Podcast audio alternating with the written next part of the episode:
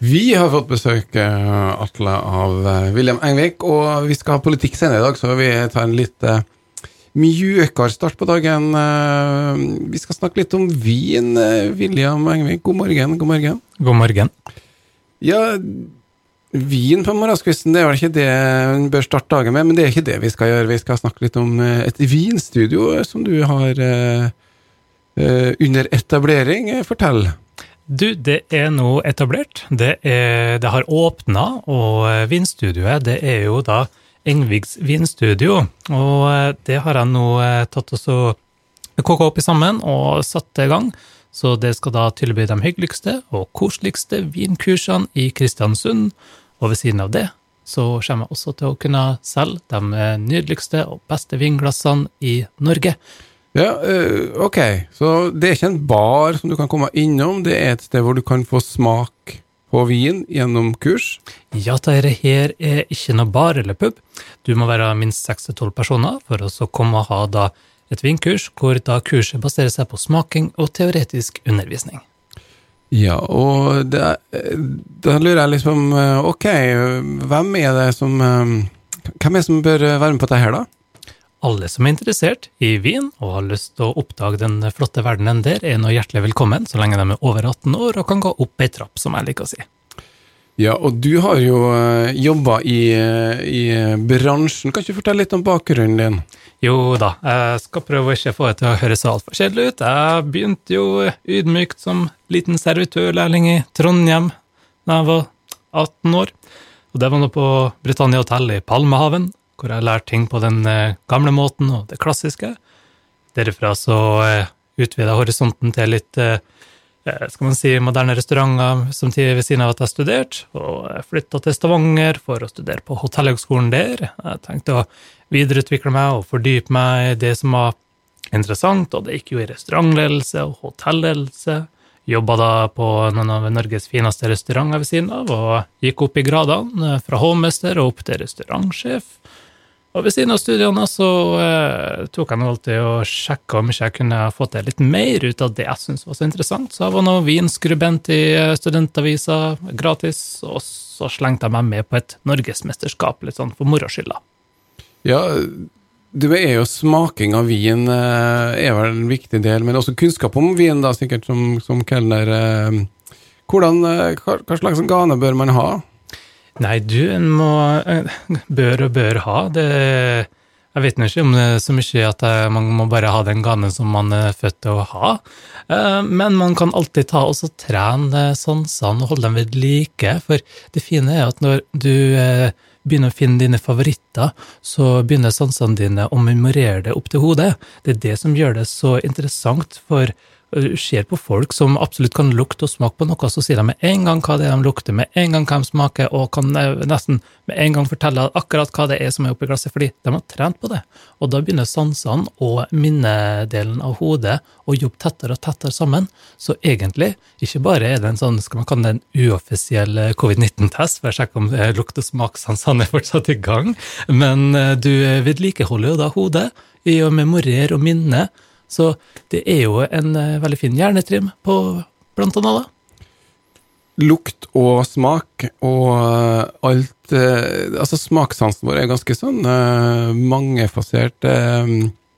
bruker man hele munnen, skulle jeg si? Hvilke smaksløker bruker man når man smaker på vin? Du, eh, forskning har jo jobba veldig intenst på dette her.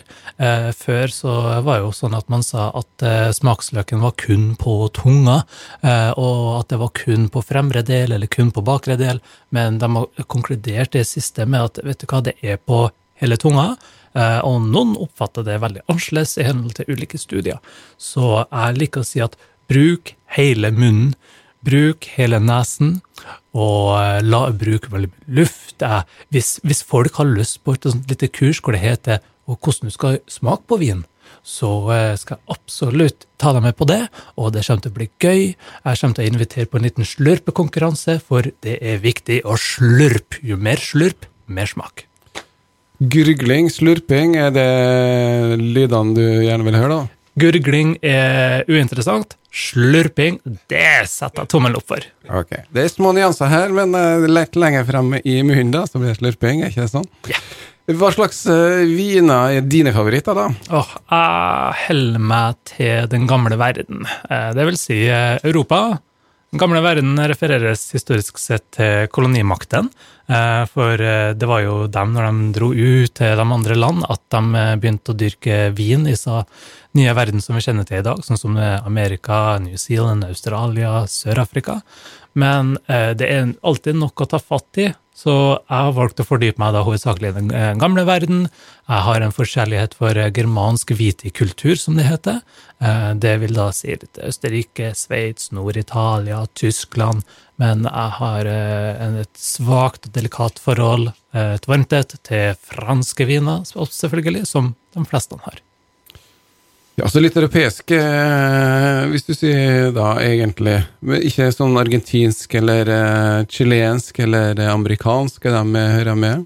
Eh, Misforstå meg riktig, det er fantastiske, deilige viner, eh, og til veldig fornuftige priser. Eh, Jeg virkelig elsker de nydeligste Malbec fra Mendoza i Argentina, eller en deilig Sinfandel fra California. Men opplegget er jo at jeg sånn som en, skal man kalle det, en ung mann, så er vi litt opptatt av eh, at man skal sette ned det CO2-fotavtrykket sitt, så jeg ser ikke opplegget med at hvorfor må jeg ha pinot noir fra Australia når vi har så mye deilig pinot noir-vin i Europa. Så Kjempegodt, veldig interessant og veldig annerledes, men prøve å gjøre mitt bidrag. Og eh, samtidig er jeg veldig fornøyd med de kvalitetene jeg finner her òg. Ja, eh, kortreist og økologisk, da, kanskje? Du, det er så mange måter å lage vin på. Eh, før så var det jo rett og slett det tradisjonelle og det konvensjonelle og økologisk som var det store. Eh, nå er det jo et økologisk så var jo biodynamisk innenfor eh, vinifikasjon eh, veldig stort. Eh, men at det nå så er jo det som er veldig vinden, og som vi ser at det sprer seg som en farsott nesten i Oslo. En hyggelig en, hvis jeg kan si det sånn. Og det er jo da naturvin.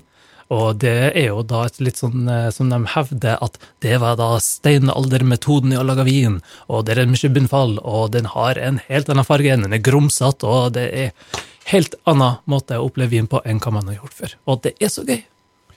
Eh, Ja, poenget er jo at eh, det var jo en liten periode her hvor man putta mye rart i viner av både tilsetningsstoffer for å få bort smak og få fram smak. Og, men eh, du skal vel overleve ikke lenge som vinprodusent hvis du jukser med prosessen i dag?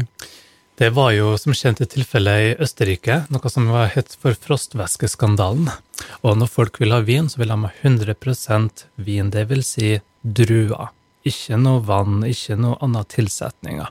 Det er det som skal på flaska. Dog, det som skjedde i Østerrike, det var jo da for å eh, forbedre en liten del av aspektet i kvaliteten på vin, og ikke var noe skadelig. Men media tok tak i det og fikk fatt i at her så brukes det frostvæske. Du, det er en liten del i vina, så du kan drikke frostvæske. Det ble en skandale. Og østerriksk vinproduksjon det fikk en eh, brukken ryggrad. Klarte ikke å komme seg på banen før eh, midten av eh, 2010-tallet. Såpass, ja. Og det i dag er en av de største produsentene av natur, økologisk eh, gårdsbruk, biodynamisk og naturvin. Jeg syns de er fremste i verden på å lage noen av de deiligste og fineste naturvinene. Så de har tatt altså, jobben sin veldig seriøst siden den gangen. Og faktisk så kan de skryte på seg at den eldste vinplassen i verden, det er i Østerrike. Og det er den første i verden som ble sertifisert biodynamisk produsent. Så Ok, her er mange uttrykk her. Økologisk og biodynamisk tror jeg var litt sånn to sider av samme sak, mm. mens naturvin er litt annerledes. Er det mulig å kort ta forskjellen? Ja, velkommen til Engviks vinstudio. Eh, Økologisk eh, er jo da et eh, gårdsdriftmetode hvor det baserer seg på å ikke bruke for mye tilsetningsstoffer og skadedyrmidler. Mange tror at det er helt fritt, at det skal ikke være noe tilsetningsstoffer og sånne ting, men det er da en liten tillatt mengde. Det er jo for å forenkle det, veldig kort forklart. Eh, Og så har du biodynamisk produ produksjonsmetode i gårdsdrift. Det er jo en idé som kommer fra en eh, Rudolf Steiner. Eh, Og det er jo som trent mange tenker Steiner-skolen, ikke sant, og var litt annerledes. Så, sånne så det er der igjen, det er en metode som ikke er vitenskapelig målbart og testa ut. Det har vært vanskelig å finne ut om det har noen reell effekt.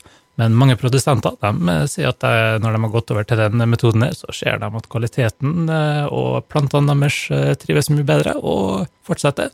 Dog om det er så viktig å plukke druer når det er fullmåne om natta, og at man skal ta noe kujorden og fylle det opp med gjødsel og legge det i jorda, om det har en reell effekt, er vanskelig å sjekke ut. Men plantene de ser ut til å trives i produsentene. Og naturvin, for å si det veldig kort og enkelt, det er jo, som jeg nevnte, at det er liksom steinaldermetoden. Det er visst eh, sakte maserasjon, altså fargeuttrekning. Eh, det er da eh, Det skal spontanfermenteres, det skal være veldig lite kontroll og inngripen av mennesket sjøl. Og la bare naturen gjøre mest mulig, dog slik som du vil ha det. Hvis jeg kan si det sånn. Det var en uh, grundig beskrivelse av det. Når får vi norske viner som smaker bra? Ja, norske viner har vi allerede. Ja, men som smaker bra, som kan gjøre det markere seg, det kan vi ikke si at vi har. Oh, ja. Nei, men du, jeg har jo satt opp et tema for norske viner du skal smake på, eh, men eh, foreløpig så har jeg ikke planlagt å ha det for, som et månedens tema før i neste år, men eh, etter hvert som jeg kommer i gang, så vil jeg ha flere sånne tema klart i lomma. Du har jo allerede vinproduksjon flere plasser rundt omkring i landet som er veldig spennende og interessant. Eh, jeg kan nevne Drammen, eh, jeg kan nevne Rogaland, og så har vi faktisk eh, noen bulgarere på Sunnmøre som henter druene fra Bulgaria og lager en rødvin som koster 700 kroner flaska. 700, ja. ja. Det er sånn litt mer enn det du trenger å betale på polet, i hvert fall, for å få ei god vin. Men også er jo siste boksvin er jo populært i Norge. Det skal være flaske, eller? For meg så går jeg alltid for flaske. Eh, heldigvis så har jo eh, utvikling og teknologien forbedret seg rundt på det med boksevin òg, så jeg syns jo det er fornøyelig eh, med bare å slappe av og kose seg og ikke tenke for mye på noen kompliserte viner og ha med et deilig glass rødvin foran peisen jeg og etter å ha vært i slalåmbakkene. Men jeg syns uh, vil jeg ha noe spennende og annerledes og litt moro, så finner jeg det sjeldent med buksvin. Da liker jeg å gå gjerne kanskje en uh, flaske vin som er på en 200-lappen eh, eller over 150 igjen, da, og da kan jeg få mer ut av vinopplevelsene enn at jeg bare sitter med tre liter på en boks som jeg tenker må jeg tømme før jeg skal dra hjem. Man må ikke tømme deg, det er jo det fine med boksviner. Men, eh, så det er litt favorittene dine kan du ha for boks, da. Og så kan du kanskje utforske Vinmonopolets eh, rekker eh, for andre. Men vi er ganske privilegerte i Norge, for vi har mye bra vin, så er relativt rimelig. På grunn av innkjøpspolitikken til Vinmonopolet, ikke sånn? Jo, jeg vil absolutt slå et slag for Vinmonopolet. Vi har jo eh, testa det ut nå i mange år, og jeg vil absolutt eh, konkludere ut ifra det jeg ser blant folk som er mye mer erfarne enn meg, og hvor de er flere plasser i Norge, eh, hvor de møtes og diskuterer temaet. Og hvor de drar til utlandet, så drar du til utlandet, og ikke Sverige nødvendigvis, men der hvor de har da privat ordning på salg av vin, så er det ikke nødvendigvis at du finner de topprodusentene sånn som du gjør i Norge, og ikke får det til samme prisen. For eksempel så, så er jo en av verdens dyreste viner til salgs på Vinmonopolet en 37 eh, centiliters eh, flaske. Bitte liten sak til 50 000 kroner i Norge. Men for dem som er kjent med utenlandske markedet, så sier de men det er faktisk en veldig god pris. Det er det, Atle. Tror du vi får råd til å bruke hele månedslønna på eh, Eller to månedslønner på ei flaske vin en dag? Det kommer aldri til å skje, Charles. Vatle er ikke så glad i alkohol heller, så det tror jeg nok eh, utgår eh, med høye kneløft. Artig å høre fra deg, William. Eh, hva gjør folk for å komme i kontakt med deg? Hyggelig at du spurte om det. Det er bare å søke meg på Facebook. Der har du all informasjonen som trengs. Du kan sende en melding direkte der, eller bare føre ved en e-post om spørsmål når folk har lyst til å komme. Og det er lov å møtes eh, i små lag og eh, kohorter i disse dager også, sant ja? Ja, det skal jeg har ikke hørt om noe annet heller. Det er bare 6-12 personer, og det er et veldig stort og romslig rom med god smittevernkontroll. Kan også nevne at denne plassen her er, er faktisk en diskré plass, så dette er en plass for alle sammen, og da er man i fred og ro over fotograf Engvik, som er da i familie med deg, sant William? Det stemmer det. Det er femte generasjon i fotograffamilien, som det heter. jeg og søsteren min. Så eh, dette er også min måte å kunne bidra til familiebedrifter uten nødvendigvis å være fotograf. Det har vi, Da har vi plassert folk. Sånn er, liker vi på uh, små plasser. Det, vi kjenner far din og mor din, og bestefar din, så har vi en plan for hvem du er. Kjempebra, William. Du skal få, jeg skal si lykke til med vinen og greier, så håper vi at det er lov til å møtes utover uh, også uh, da. Tusen takk.